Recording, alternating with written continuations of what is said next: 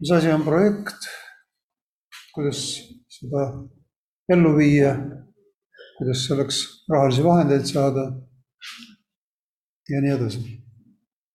sellised mõtted tänaseks päevaks. ja võib-olla alustakski sellest, et te püüate defineerida selle mõiste kõigepealt, millest me räägime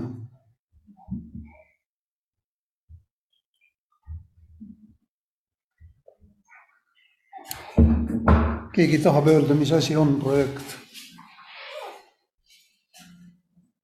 ja ma ei mõtle siin ehitusprojekti. kavand. plaan millegi teostamiseks, veel palun. sinu laud viidi teise kohta ja sa oled ka teises kohas, jah? mis, mis on projekt?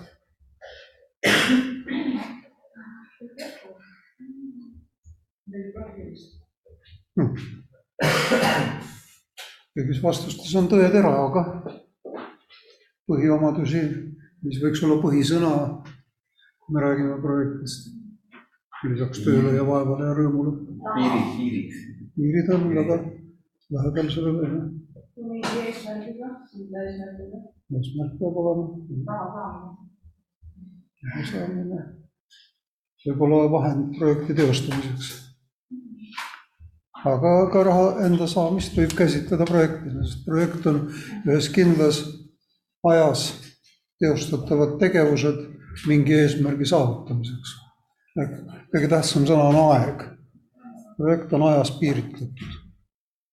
see, kui sa lähed, lähed tööle lihakombinaati või, või kogudusse, siis see ei tohiks nagu projekt olla, sest sa lähed ja teostad seal igapäevaseid tegevusi aga need igapäevased tegevused võivad olla teostatud erinevate projektide vormides. seda võib nii öelda, aga see alavääristab elu tegelikult. seda ma ei tea, seda ma ei oska. aga tavaliselt, kui me hakkame probleemist rääkima ja mõtlema, siis peab olema tegevus, tegemist äh, mingisuguse sellise situatsiooniga või olukorraga, mis äh, meid ei rahulda. eks projekt on ühe muutusega seotud, mis tuleb viia mingi aja jooksul ellu. muidugi võib käsitleda lapse kasvatamist ja kooli minekut, esimesse klassi läbimist, kõike, mida saab ajas liigendada, võib käsitleda projektina, aga, aga see on nagu natuke läheb nagu kõrvale sellest peamisest teemast, kui me mõtleme, et muutuse esilekutsumine teatud aja jooksul, teatud vahendite abil, ressursse kasutades ja pärast tulemusi kokku võttes. ehk siis projekt algab rahulolematusest, nii võib öelda kas teil on elus nagu olukordi, millega te ei ole rahul, mida te tahaksite muuta? mõelge ka eilse päeva õnnejutule ja saavutustele. kui te juhtumisi peaksite kusagil töötama, siis ma arvan, et see töötamine peaks koosneva, koosnema saavutustest, mingite asjade ärategemisest, mitte lihtsalt kusagil tööl käimisest. ehk siis mina juhendan neid inimesi, kes tahavad midagi saavutada. tiksujad ja tegijad võiks neis nagu jagada kahte lehte, mis on lihtsakoeline jagamine. kõigile see ei sobi. aga selles ei ole ka midagi parata, siin kehtib jälle see kahekümne ja kaheksakümne põhimõte kõigile see ei sobi, et neilt oodatakse saavutust ja millegi ärategemist. et kas me leppisime kokku, ma vast ei hakka tahvlile kirjutama, aga teie võiksite endale üles märkida. projekt on kindla ajaperioodi jooksul sooritatavate tegevuste kogum mingi eesmärgi saavutamiseks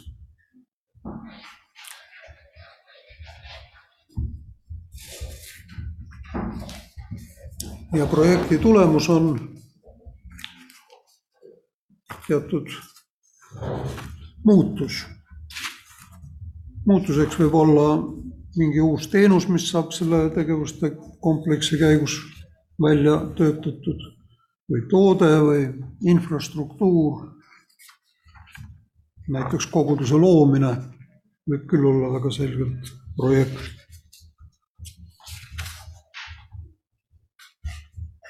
Ja projekti saavu-, eesmärgi saavutamiseks on ka selged, selged piirangud, ajalised ja rahalised.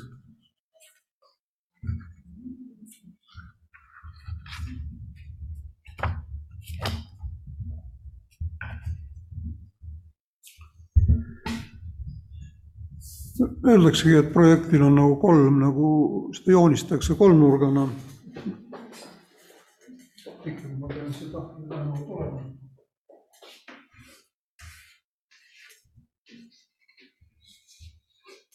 Aeg, raha ja tulemus.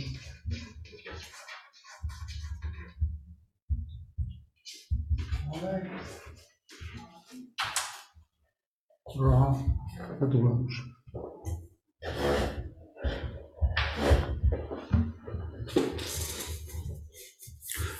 noh, raha võib ka laiemalt käsitleda erinevate ressurssidena, sest loll raha on see, mis ei kasvata ennast.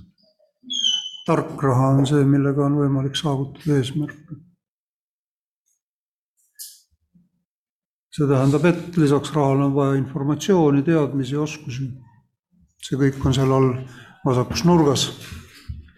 ütleme nii jah, et see on ressursside nurk, aga aga mina tahan rahast ka rääkida, sest sageli me kirikus seda ei tee. Ja tulemuseks on see, et meil võivad asjad untsu minna.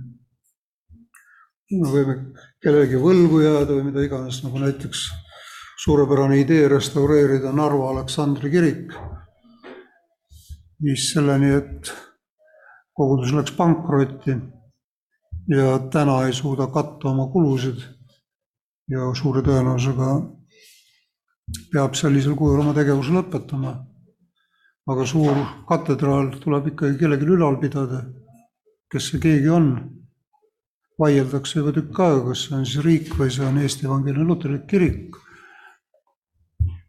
nagu oleks nagu mõlema poole vastutus, aga nagu planeerida rahasid selle kordategemiseks, ülalpidamiseks on nagu asi, millest mööda ei saa ja millest üle ei saa ja millega siiamaani ei ole ka hakkama saadud. Aga täpselt sama asi võib juhtuda ka väikeses külakoguduses, kus uurit-, üüritakse kultuurimaja saali ja jäädakse üks kuu võlgu ja teine kuu võlgu ja kolmas kuu võlgu ja siis, siis tekivad pettumused, siis tekivad süüdistamised ja kes siis vastutab, kas pastor on kõige kurja juur või on seal mingisugune vanematekogu või aga kokkuvõttes hakkab ka see vanematekogu lagunema ja see ongi kõik. Nii et ka vaimulikes asjades on selge majanduslik aspekt, mis tuleb läbi mõelda, eriti kui tahetakse kas asutada organisatsiooni, juhtida organisatsiooni või omada mingisugust vara selle organisatsiooni kaudu. Noh, ja kui siis oletame, et näiteks läkski untsu see kas katedraali renoveerimine või siis selle väikese kultuurimajast saali üürimine, siis, siis ongi meil probleem. ehk siis on see rahulolematus olukorraga.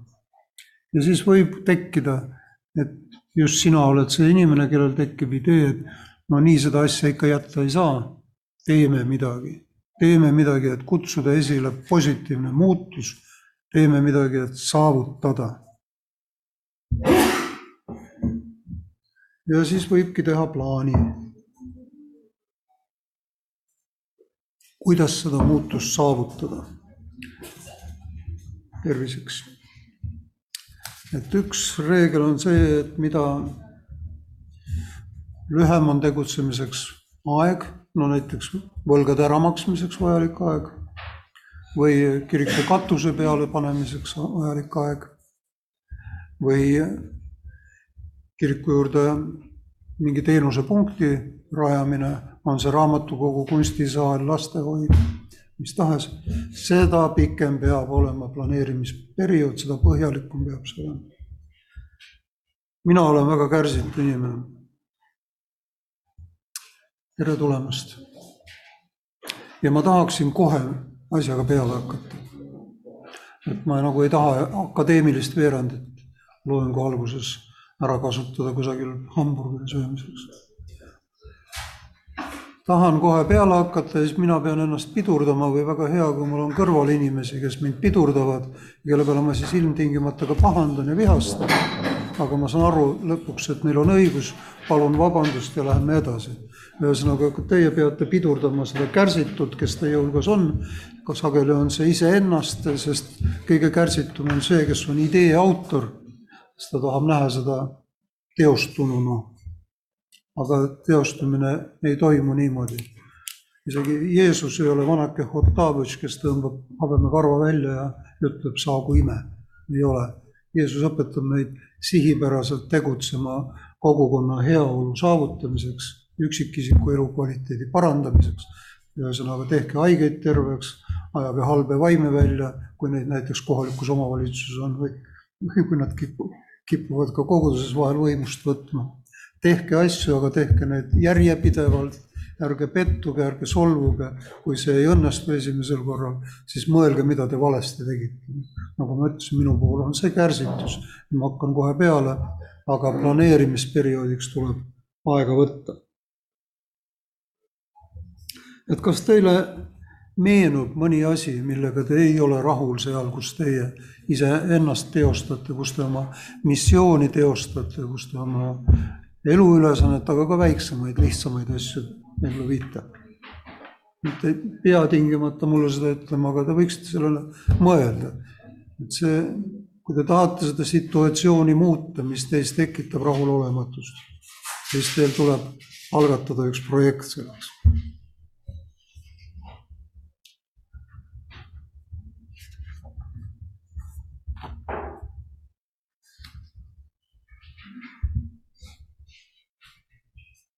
kõik on välja mõelnud enda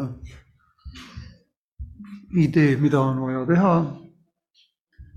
siis on vaja veel mõelda, mida teha, kuidas teha, kellega teha, mida selle jaoks vaja on. ehk siis kõigepealt on vaja tekitada projekti idee, hakata kavandama seda arengut, mis viib muutusele ja see tsükkel siis no väga lühidalt jaguneb jälle kolmeks. aga see on nagu olukorra hindamine.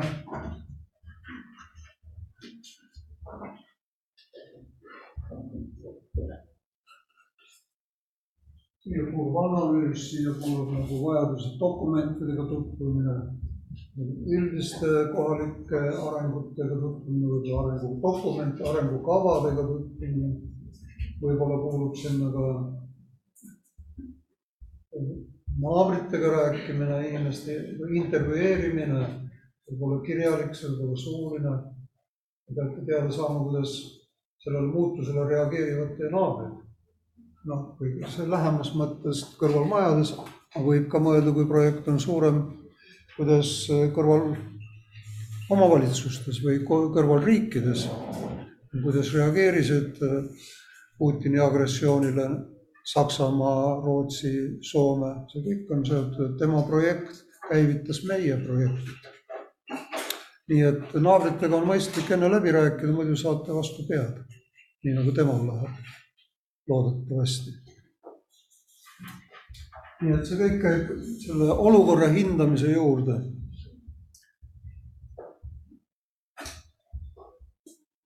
ja järgmine etapp on siis äh, muidugi hindamisele, hindamisega seonduv tegevuste planeerimine, tegevuskava valmistamine.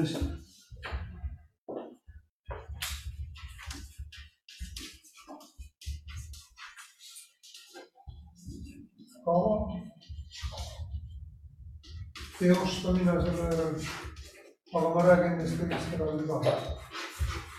ma olen vist juba rääkinud oma joonistamisega ekraani taha. et ma kirjutasin siia hindamine, tegevuskava, teostamine ja lõpuks siis taas analüüs. ja kokkuvõtted. kokkuvõtted.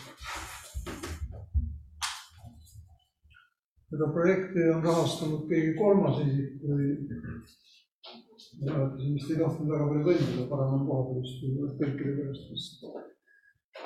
et kui seda projekti on rahastanud keegi kolmas isik, siis järgneb ka üks vastik periood, aruandlusperiood. eks kui mina annan kellelegi raha selleks, et ta sõõriku kohvipuu avaks, ma tahaks neid sõõrikuid maitsta ka ja ma tahaks teada, kuidas ta mu raha kasutas ja kui ta seal hoopis selle asemel hakkab tomatitaimi müüma, siis ma olen pettunud. nii et see algusetapp, strateegilise planeerimise etapp on ülioluline. mõelge, kus te olete sellel ajal. et see, kirjeldage see olukord enda jaoks ära. Aga võib-olla veel enne peate te määratlema, kes teie olete selles olukorras et mis voli teil tegelikult on. et kas teil on õigus hakata seda probleemi lahendama? võib öelda kodanikuõigus igalühel jah, loomulikult, aga te võib-olla noh, olete mingi teise struktuuri osa, te olete selle organisatsiooni osa, selle koguduse osa. no ja järsku teie hakkate lahendama, ma ei tea, vitraažakna paigaldamise probleemi, aga koguduse pikaajalises arengukavas on kirjas, et sinna tuleb uks mitte aken. siis võib olla jälle jama majas. kui teie, teie, teie projekt on lasteaia tegemine koguduse kinnisvarasse, aga juhatus on planeerinud sinna hoopis eakate hoolduse, see on jälle jama majas. ehk siis, kes te olete selles kavandatavas tegevuses, kes te olete selles organisatsioonis, kes teile aru annab kellele teie aru annate. võib-olla te peate veel enne, kui te hakkate siin põhjalikke kavasid tegema, proovima endale leida liitlasi ehk partnereid, kellega koos seda asja ette võtta. Et mina usun küll, et üksik sõdur lahinguväljal on ka sõdur aga, aga sageli saab ta küll surma. nii et kuidas te leiate liitlasi? mul on väga raske rääkida nii abstraktselt, ma räägiks nagu endakeskselt või konkreetse projekti keskselt. aga kuna teid on palju ja ma saan aru, et need projektid, mis teid ees ootavad, võivad olla ka erinevad. Te hakkate nendega peale erinevates linnades, maakondades, kogudustes, konfessioonides isegi siis te peate rohkem mõtlema ise ja minu üldistest suunistest konkretiseerimise tegema ise. aga muidugi seda oleks tore ka teha dialoogi vormis, kui teil kunagi peaks tekkima mõni küsimus või mõte, mida peaks edasi arendama. meil on päris palju aega täna selle teema jaoks, aga see on ka minu hinnangul väga oluline, sest saavutamine on oluline, aga saavutamise juurde käib planeerimine, rahastamine ja nii edasi. kõik see, millest ma tahan teiega aru pidada. et kas see, no kas te vajate mingi muutuse esilekutsumiseks selles koosluses, kus te olete, kellegi luba? mul nagu üks lihtne küsimus. või ei vaja? Kui see on näiteks teie ühe mehe või ühe naise ettevõte, siis teie luba lähtub ainult olemasolevast seadusandlusest. ja sellest, kas teie ettevõte on juba registreeritud ja nii edasi ja nii edasi. siis te otsustate ise ja vastutate ise. aga ma soovitan ikkagi kaasata neid, kes kaasa mõtlevad. aga siis te ei pea neid kuulama, te ei pea nendele alluma. aga te peate peegeldama nende peale, kuidas idee töötab aga kui see ei ole ühe mehe ettevõte või ühe naise ettevõte, siis on asi keerulisem.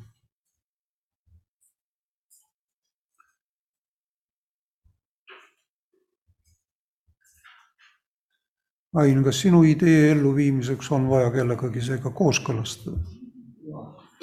juhatus. kas sellest piisab, kui sina lähed juhatusse, ütled, mul on selline idee? no kas enne seda, kui see sai räägitud, kuidas see toimus? see oli siis ka aktsepteeritud, sellepärast et meil oli nagu, meil oli nagu põhimõtteliselt see nagu töötas mitte näituse paigal, aga meil olid maalid üleval. Hmm. et noh, inimesed ootavad, et tuleks tagasi. me tahame lihtsalt seda teisele tasemele tõsta. tähendab, muutus on mis? kvalitatiivne muutus. muutus ei ole see, et maalid on seinas, muutus on see, et nad on noh, ja paremini afišeeritud, paremini reklaamitud, parem-, aga need on kõik väikesed projektid, paremini afišeeritud, paremini reklaamitud, paremini valgustatud võib-olla, no siinid paigaldatud, mitte naelad seinas ma tegin ka kunstinäituse, pallaslaste näituse Harku Järve kirikus. mul poeg on kunstikogu ja vanem poeg ja ütles, mul on pallaslasi, et tahad, teeme näituse. nojah, muidugi ma tahtsin, aga ma ei planeerinud, ma ei kavandanud. ma ütlesin, okei okay, poeg, tee ära. ja sein oli täis kruvisid ja naelu ja kõik tuli pärast üle remontida ja lubjata ja valgendada ja ma ja maalid maha võttes jäi see kohutav välja, nägi see kohutav välja. et selles mõttes kavandamine, planeerimine ülioluline, aga ka läbirääkimine ja liitlaste leidmine sellele. Kui sa tõesti tahad teha selle ruumi ilusamaks, siis kõik ei pruugi arvata, et see ruum on ilusam niimoodi. näiteks jälle Peetri kirikus mul olid, ma ei mäleta, kas te pilte vist ei ole seda ei näinud, aga mul, mulle või meile üks tollal Kunstiinstituuti lõpetav noor daam kinkis ristitee söejoonistused. et Jeesuse peatuspaigad ristiteel, neliteist pilti. No väga ilus, paberi peal ilusad paberid, üks võimalus pane virna ja arhiveeri. no mina ütlesin, ei, neid tuleb eksponeerida, toredad, ilusad, mõjusad aga siis tekkis jutt, et ei, aga kirik peab olema helge ja värviline, mis süngeid pilte sa siia tood. ma täiesti aktsepteerin sellist arusaama. noh, sinu pildid on helged ja värvilised enamasti. ja nüüd panna need kaks asja kaalukausile. kumbki ei ole halb. Väga raske, võtta vahelite vahel võimaluste paljusus ja see võima-, võimaluste paljusus kohustab valima ja valimises on inimestel erinevad otsustusalused, alates maitsest ja lõpetades paljude muude asjadega. nii et sa pead leidma liitlasi, kui sa tahad üles panna värvilised pildid ja sa pead leidma liitlasi, kui sa tahad panna mustvalged pildid. ja siis nende liitlastega koos oleks või soovitav planeerida selline lühikene, lööv esitlusvorm. seda on veel rohkem vaja kasutada siis, kui otsite finantseerijaid ja siis me tuleme selle juurde tagasi, aga see on põhimõtteliselt üks liftikõneks nimetatav meetod, kus inimene, kes tahab oma ideed teistele nii-öelda maha müüa, sõnastab selle ühe minuti jooksul teise inimese, kellele ta tahab seda maha müüa, huvidest, maitsest ja vajadustest lähtuvalt. ehk siis esimene asi, mida te peate siis ütlema oma juhatusele või otsustusorganile või rahastajale, miks see talle on vajalik, miks see talle on kasulik, miks see talle on hea, see planeeritav muutus, mida te tahate teha. Ja selle järel peate lühidalt esitama selle muutuse sisu ja lõpuks oma palve, et oled hea, toeta mind juhatuse koosolekul või ole hea, anna mulle kümme tuhat eurot selle jaoks, et ma saan selle sulle vajaliku muutuse ellu viia. selle, mida sa ütlesid, et sulle see meeldib ju. teeme seda siis koos, kui sulle meeldib. ja võib-olla on veel keegi, kellele see meeldib. ja ta annab teise kümme tuhat. Või teise hääle hääletamisel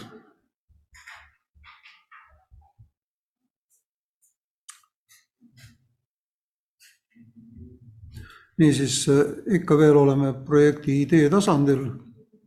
kus me määratleme oma hetkeolukorra ja kirjeldame probleemi. ja see oleks, need kirjeldused on ka hea kirja panna. aga siis on küsimus, kellega koos, ma juba natuke partneritest rä- nimetasin, aga et kellega koos te seda ideed hakkate kirjeldama. ja mis vormis te seda teete? et kui, kui selle projekti elluviimiseks on vaja rohkem kui ühte inimest ja selle probleemi mõistmiseks ja lahtirääkimiseks on vaja rohkem kui ühte inimest, siis tuleks teha kas ajutine või alaline meeskond. esialgsest meeskonnast kõik ei pruugi edaspidi kaasa minna ja ei peagi. mõned küll. esimene meetod, mida ma soovitan, ongi, või õigemini noh, es-, esmane meetod ongi ajurünnak, et mis me siis teeme selleks, et, et Tarkvere küla elanikud ei käiks enam üle muru. ajurünnakus pakutud, paneme keelumärgi näiteks. Või künname selle platsi üles, siis määrivad jalad ära, enam ei kõnni seal. või siis teeme täpselt sinna tee, kus nad on harjunud käima viimane ettepanek kogub rohkem hääli, teeme teoks. aga täitsa võimalik ka, et inimesed on vastu, sest paljud inimesed ei taha mingit muutust. isegi head muutust ei taha. rutiin on nii turvaline, nii hea on olla, mitte midagi teha. No mis siis, et jalad mustad. nii et eh, teha üks ajurünnak, see võib olla niisugune vähem formaalne, kus me lihtsalt istume õhtul maas ja sumiseme omavahel ja leiame mingid asjad, kindlasti tuleb need asjad kirja panna, sest hommikul ei mäletata enamasti pooli asju. Või siis see võib olla ka niisugune läbimõeldud etappideks jaotatud ajurünnak, kus on ainult üks reegel, et ükski idee ei ole vale. kõike võib öelda, kõike võib mõelda. ja siis näiteks võib teha nii, et jagatakse, oletame, et teid on seitse inimest selles ajurünnakus või, või ka rohkem võib loomulikult ka olla, aga liiga suureks grupp läheb, siis läheb laadaks. aga võib ka jagada teile näiteks värvilised lipikud kätte, kuhu igaüks kirjutab oma mõtted selle probleemiga seoses. ja siis kleebitakse need värvilised lipikud tahvlile. selle järel aga hakatakse neid grupeerima. no üks võimalus grupeerida värvide järgi, aga teine võimalus on ka sisu järgi, et ma arvan, see viimane on mõistlikum. Et aga võib ka ju kohe algul öelda, et tehke nagu need mõtted, mis on nagu üldised mõtted roosale paberile, need mõtted, mis sisaldavad ka finantsettepanekuid rohelisele paberile, need, mis räägivad, keda me peaksime kaasama selle projekti elluviimise kollasele ja siis on nagu veel lihtsam, ma pärast koguge nad ikkagi nagu kolme või nelja gruppi kokku ja ja saab teha mingi kokkuvõte ja üldistada need gruppide mõtted. Kas on vastuväiteid või soovitusi?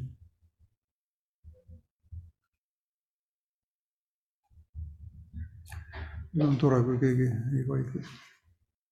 aga iga, kuidas oma plaane genereerida. no see see eesmärk ongi, aga ma ei arva, et ma kedagi siin õpetan, ma arvan seda, et ma võin üles leida ja käivitada mõningad impulsid, mis teie sees on olemas. Ja aidata nendele ka teatud ratsionaalset vormi anda, sest kui me räägime projektist ja kui me jõuame rahateemade juurde, siis see peab olema ratsionaalne ja noh, kirjeldatav ja põhjendatav. nii, kui siis äh, teie rahulolematus on nüüd võimendatud selle seitsme grupi liikme rahulolematusega, siis võib selguda, et korraga on seal rohkem kui üks probleem, mida oleks vaja lahendada. ja siis võib tekkida nagu teie oma algatatud grupis, teie oma algatatud äh, probleemi lahenduses tõrkeid siis tuleb vaadata, kuidas need probleemid on üksteisega seotud. üks teooria ütleb seda, et alati on üks juurprobleem ja tegeleda tuleb sellega. see on väga lihtne ja selge. Keeruliste probleemide puhul võib olla neid siiski rohkem, väidan mina, aga, aga üldiselt öeldakse, et ikkagi on võimalik ühele asjad taandada. nii et seda, püüdke seda ja mis ei õnnestu sinna taandada, see ei ole siis lihtsalt selle projekti teema. pange ta kõrvale, võib-olla sünnib sealt järgmine projekt. sest iga rühma liige tajub keskse probleemi olemas, olemust mõnevõrra erinevalt, noh. mina olen küll seda meelt, et naised on Veenuselt ja mehed Marsilt ja nad mõtlevad mõnevõrra erinevalt, aga mõne mehe mõtlemises on naiselikku empaatiat ja tundlikkust siiski ka olemas. nii et me oleme erinevad, meil on ühisosa, aga me võime probleemi näha erinevalt. ja mina võin arvata, et see ei ole üldse mingi probleem, kui siit ei saa kõrgete konstidega tänavale minna, tõesti, noh, ma ei tea, mis probleem see on. Aga, aga ma usun, et see, kes seda ütleb, et sellel on põhjus, miks ta seda ütleb, siis ma lähen nuusin seda maad seal ja näen, et kiviklibu tõepoolest mingi terav ork sinna sisse ajada võib viia tasakaalust välja terve süsteemi ehk terve naise ja sellega seoses, kui ta kukub, terve perekonnaelu võib-olla, kui mina olen eelnevalt keeldunud selle killustiku ärakatmisest mingi asfaltiga, sest mul praegu ei ole raha selleks või ei ole aega, sest ma tegelen tähtsama asjaga. Siis ta on solvunud, eks ole, tema konts, maailma tähtsaim asi. ja seda eirates olen ma öelnud, et tema ise ei ole maailma tähtsaim asi. ja siis on jama majas. nii et teie rühmas võivad tekkida ka sellised konsa probleemid niisiis, kui on tekkinud ühe probleemi lahendamisega seos erinevaid muid probleeme, siis tuleb määra-, need hierarhiseerida, ühesõnaga öeldes. Ehk teha nende tähtsusjärjekord. ja siis leppida kokku, et no me seitsmekesi ei suuda kõike seda kahtkümmend viit asja ära lahendada käesoleval aastal selle aja, ajaraami sees, mis meil on, nende vahenditega, mis meil on. mis on juurprobleem, mis on kõige olulisem.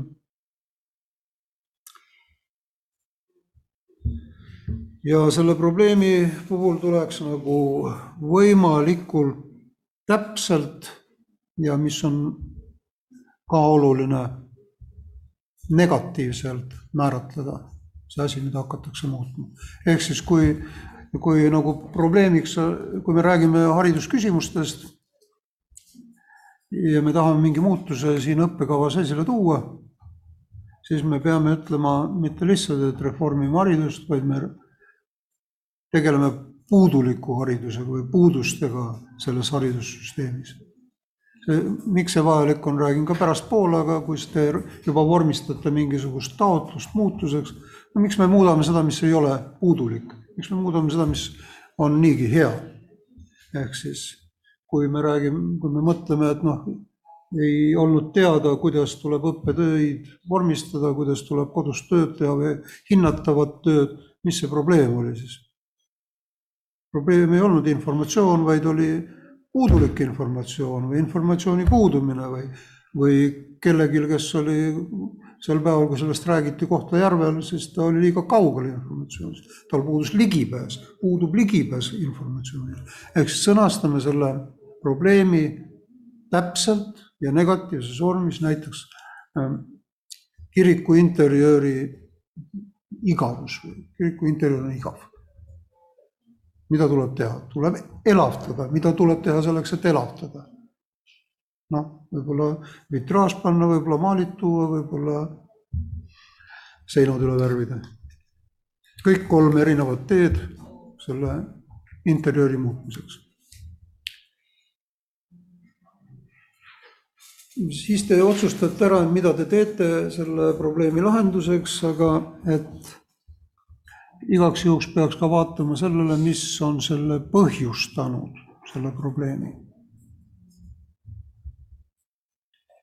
ja võib-olla on noh, näiteks võib-olla on selle põhjustanud halb juhtimine. hoopis teised küsimused tekivad. võib-olla on vaja seda juhatust hakata ümber valima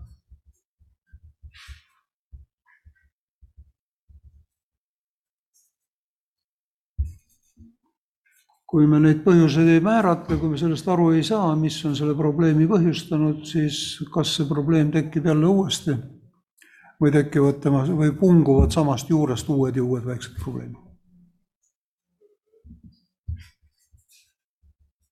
kui Moskvas võim ei muutu, siis punguvad ja punguvad uued lokaalsed häiritused või erioperatsioonid või sõjad. Praegu meil on valitsuskriis Eestis. Keskerakond, Reformierakond kaklevad. suurepärase teema leidnud, lastetoetused, keda see ei puudutaks, kõiki puudutab, kõik elavad kaasa. Ja kõik unustavad selle ära, et kui praegu valitsus kukub, ma ei poolda seda valitsust, ma ütlen seda ka, aga kui praegu valitsus kukub, mis kuu see on, maikuu, terve suvi nad magavad ja ei tee märkimisväärselt midagi. ja iga päev on sõjaline oht. no praegu ei tohiks seda teha. ma loodan, et nad lepivad ära, kuigi mulle meeldiks üks teine valitsus või rohkem, aga ma loodan, et nad lepivad ära ja ei tule nagu kas või minu lemmikvalitsus praegu.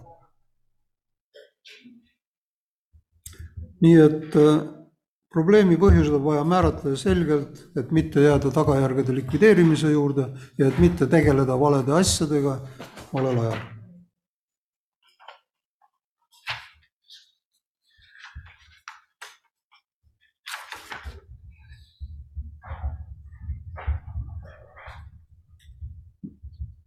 ma nüüd mõtlen, kuidas, mulle väga meeldiks teha mingeid rühmatöid, aga kui nagu pooled inimesed on kusagil kodudes, on seda väga keeruline teha. et äh, mõelge, kas teie, kes te saate seda teha, tahate seda teha rühmatööna või te teete igaüks individuaalselt oma kõrvade vahel. mõlemad asjad töötavad, lihtsalt alati teine inimene annab lisaväärtust. see on nagu see asja mõte, et te võiksite nagu oma projektiga seoses, sest ma eeldan, et te mõtlesite välja, mida te tahaksite muuta, oma projektiga seoses need põhjused selle probleemi tekkimisel, mida teie saate muuta. ja need põhjused, mida te ei saa muuta. noh, alati on, on olemas, näiteks riskifaktorid on olemas.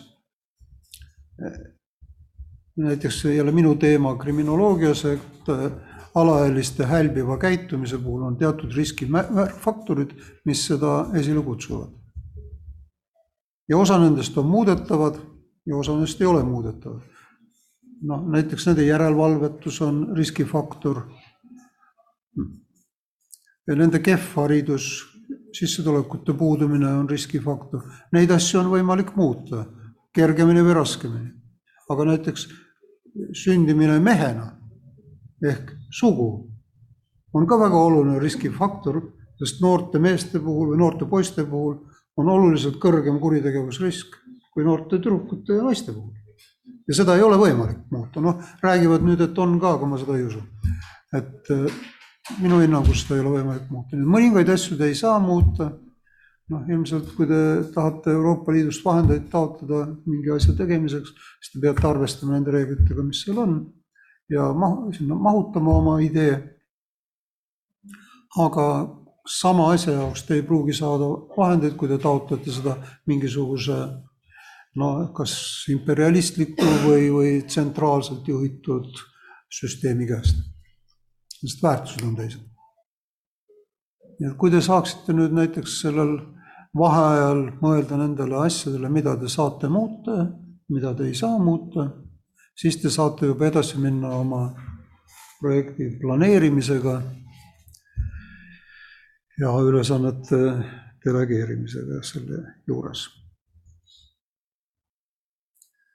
põhjuseid me saame alati, noh, põhjuseid, muudetavaid põhjuseid, muudetavaid riskifaktoreid me saame muuta ja eemaldada. muutumatuid me ei saa eemaldada, maa külgetõmbejõud on paratamatu ja veel paljud asjad. aga tagajärgi, tagajärjed, mis nendel põhjustel on tekkinud, neid saab küll likvideerida, aga neid enam ei saa ennetada. et see jama, mis on juba juhtunud, see on juba juhtunud, seal te saate ainult leevendada tagajärgi. aga kui te selle põhjuse ära likvideerite, siis ei juhtu järgmisel nädalal või aastal, võib-olla isegi dekaadil samu jamasid. et lugege oma projekti, selle, õigemini selle asja, mida te tahate muuta, selle probleemi põhjused üles, pange endale ka sinna kuhugi kirja ja siis lähme edasi. kui sobib.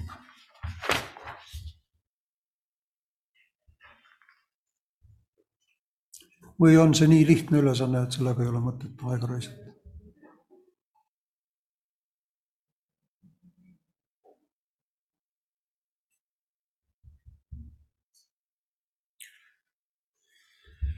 nojah, kaks minutit on aega, ma võin siis teema kokku ka võtta veel, et kui Jumal annab teile mingisuguse välgatuse, mis peegeldab olukorda tulevikus paremana, kui see on täna, siis ärge laske seda mitte raisku minna, see võib olla kutse just nimelt teile olukorras muutuse esilekutsumiseks.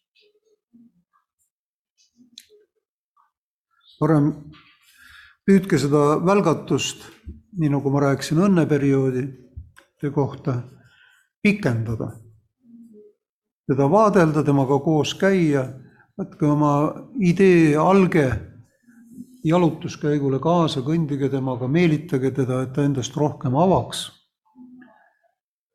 ja siis jagage teda inimestega, kellest võib selle idee realiseerimisel olulist abi olla. Ja siia me oleme praegusel hetkel jõudnud ja siis järgmine tund me hakkame seda ideed kirjeldama ja teises etapis vaatama kas see vajab ka mingisugust lisarahastust? aitäh!